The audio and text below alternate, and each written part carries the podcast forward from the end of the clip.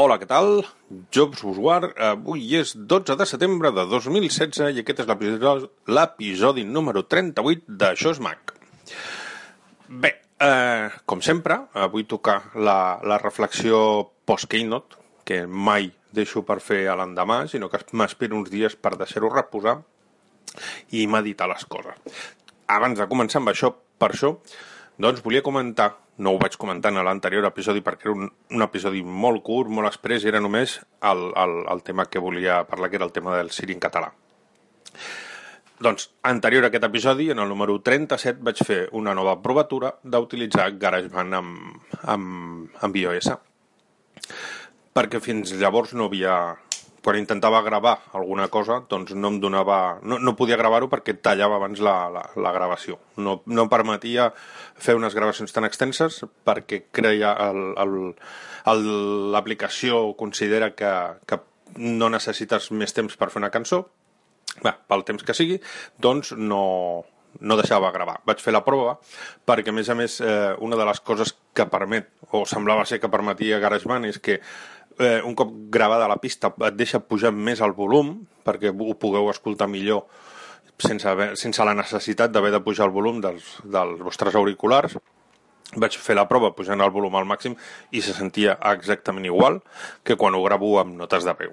Així que, després, a més a més, eh, com a afegitó és que eh, incrustava, quan vaig pujar l'àudio a, a e-books, no sé per quins set sous, doncs, eh, en lloc d'incrustar la caràtula pròpia d'això és Mac, doncs posava la caràtula de GarageBand. Eh, o sigui, no em dona el que m'hauria de donar amb el tema del so i, a més a més, em, em, em xafa la caràtula. Però bé, llavors, doncs, tornem, com sempre, a les notes de veu, el més casolà i el que funciona bé, de moment, sembla ser.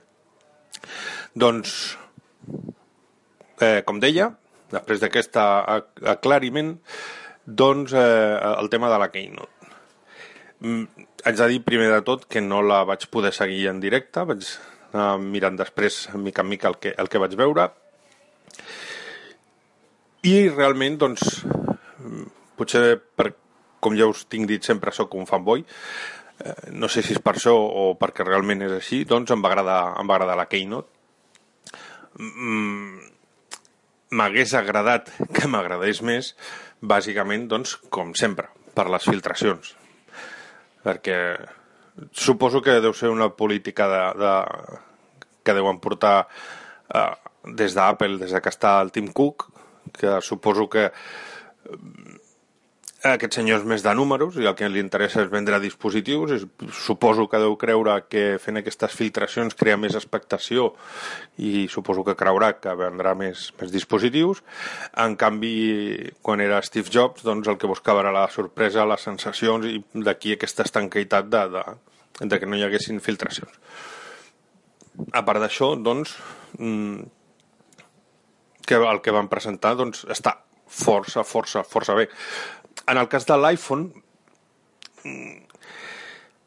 una miqueta amb calçador, perquè no és pròpiament un iPhone 7. Normalment eh, la, la, els, els números eh, els números tal qual, com surten, 6, 7, 8, el que sigui, doncs solen anar acompanyades de, de, de canvis de, per fora, de, de disseny.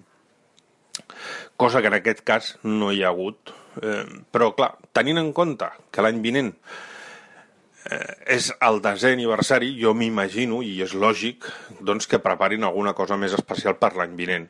Per tant, perdoneu, per tant, aquest any tampoc podien regalar-se gaire en, en fer un canvi, perquè si fan el canvi ara, doncs aquest mm, és, és, és cremar pólvora, és cremar cartutxos perquè sí, perquè l'any següent, que és el del, des, el del desè aniversari, doncs han de fer el canvi bo o, o presentar alguna cosa més, més, més curiosa, més, alguna cosa més. Jo entenc que pel del desè aniversari doncs, hi haurà alguna, alguna cosa important. Llavors estava clar que no podien eh, treure moltes coses. Tot i que, bé, doncs les coses que van treure prou bé. El ja tan criticat el tema del jack, o mini jack, que en part és lògic també, eh, ja ho van fer en el seu moment traient la unitat de CD, Apple amb els, amb els ordinadors. Perdoneu, se m'asseca la gola. Un segon. Ara. Doncs això, eh, van treure la unitat de, de disquet abans, perdó, la de CDs, o sigui, sempre han estat bastant pioners en quant a, en quant a treure coses dels, dels dispositius. Mm, doncs ara aquesta vegada li ha tocat el, el mini jack, que en part crec que ja li tocava. Mm, és una, és una tecnologia que ja porta molts anys i hem d'evolucionar.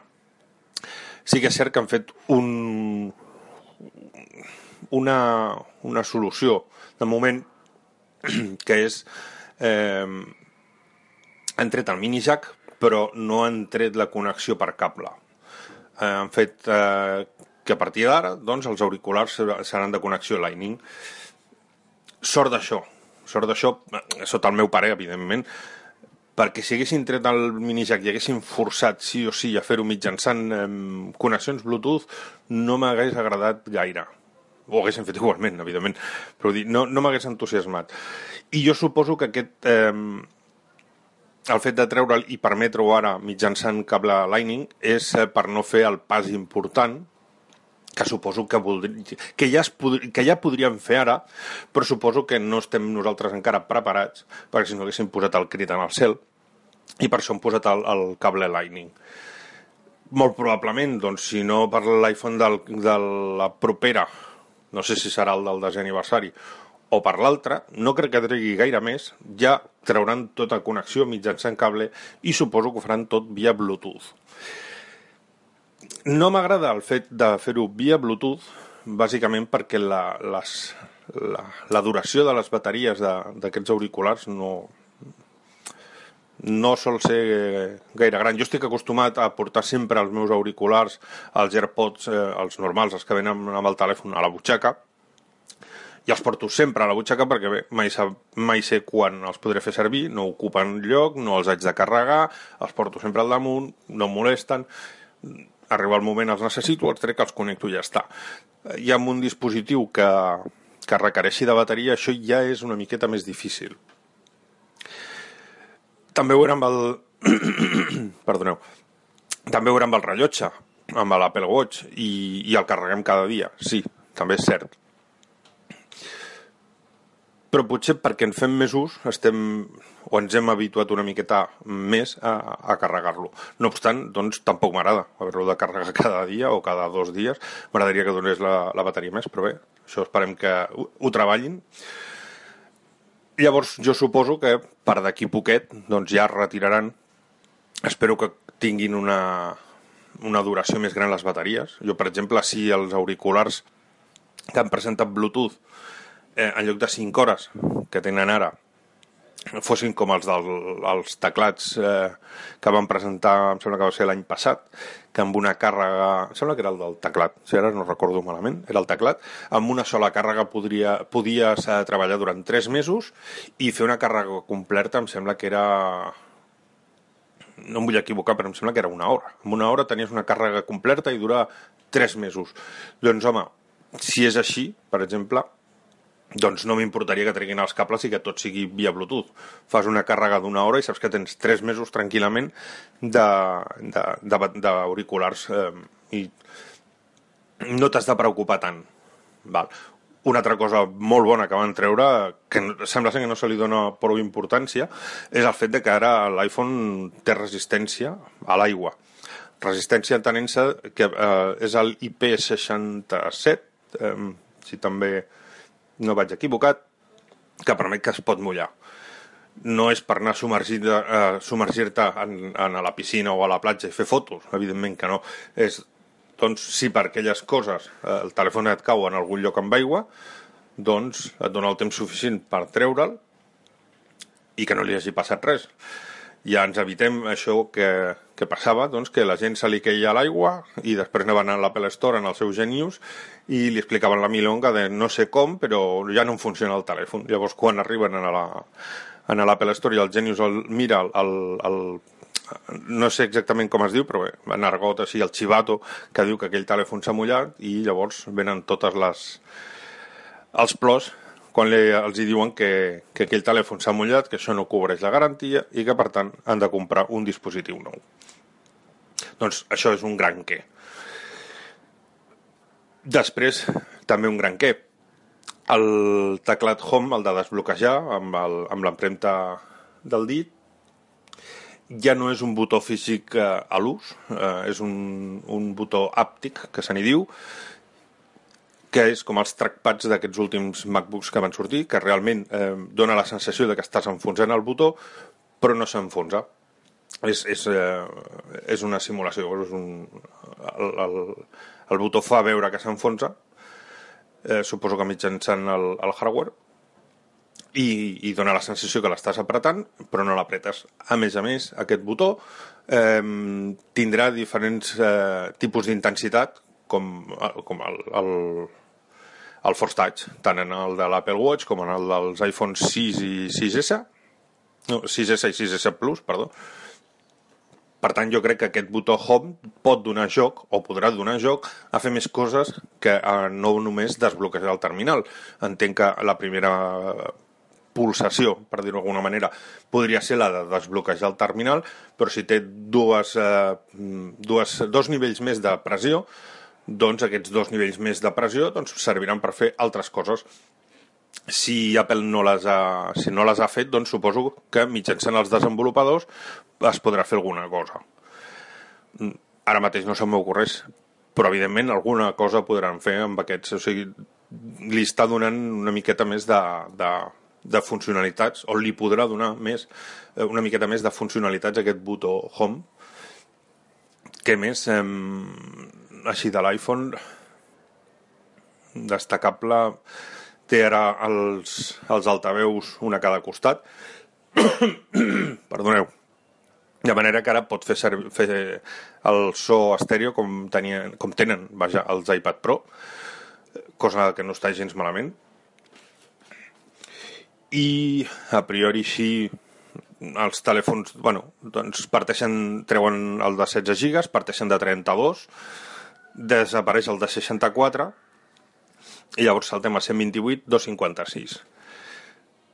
Em, ja em vaig imaginar quan, eh, quan va passar en l'anterior model, justament en l'iPhone 6, van, fer, van deixar el de 16 gigas, va desaparèixer el de 32, va posar el de 64 i el de 128.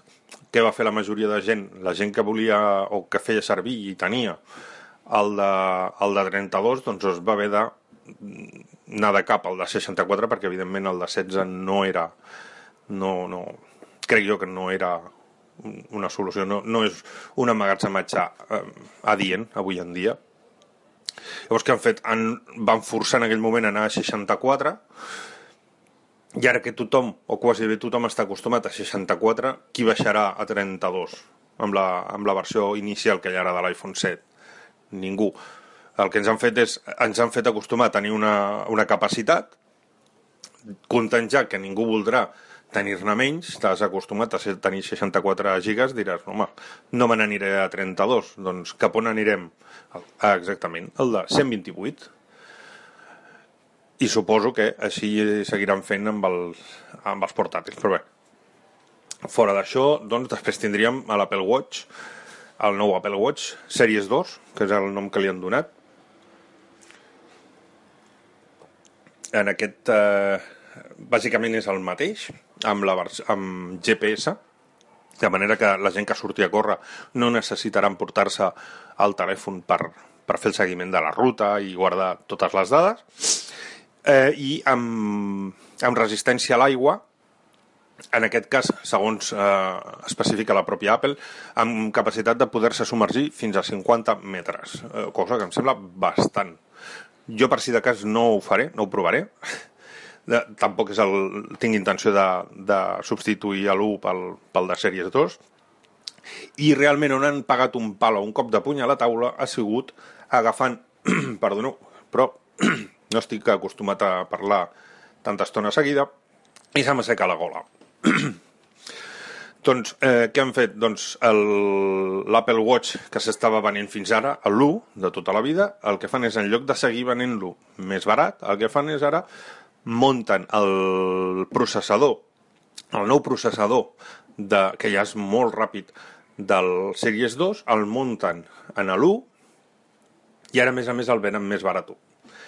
Què aconsegueixen? Doncs molta gent, perdoneu, es tirarà al Series 2 i qui no estigui del tot, no les tingui totes, doncs eh, se n'anirà al, al, al Series 1 perquè té el mateix exactament que el Series 2, l'única diferència que no té és no té el, el GPS i no té la, la resistència a l'aigua, que per això mm, que per molta gent això li serà igual, però sí té el mateix processador.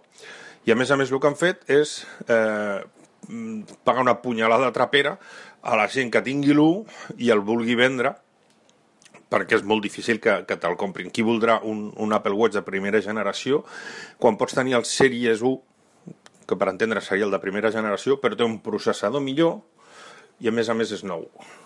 D'aquesta manera s'han ventilat així, pim-pam, el, el mercat de, de segona mà, de, en aquest cas dels Apple Watch suposo que hi haurà moltíssima més gent que, no, que directament ja no comprarà de segona mà i se n'anirà de cap a, a, al Series 1. Llavors, la gent que vulgui que tingui l'original, el primer, i vulgui accedir, suposo que voldran accedir més aviat al, al, al nou, al, nou, al Series 2, doncs els hi serà molt difícil trobar un comprador, se l'hauran de menjar amb patates o passar-li algú i comprar aquest dos. Fins ara, amb els iPhones el que es feia era vens el que tens ara per accedir, per treure-hi el màxim benefici i poder comprar el nou sense haver de gastar tant, doncs això, aquesta part se l'ha encarregat. Què més? Eh, bueno, que evidentment ara eh, és submersible perquè el, el propi altaveu el que fa és expulsar l'aigua de manera que no entra dintre no, no, és una cosa bastant complexa però bé, m'ha agradat força aquesta, aquesta Keynote.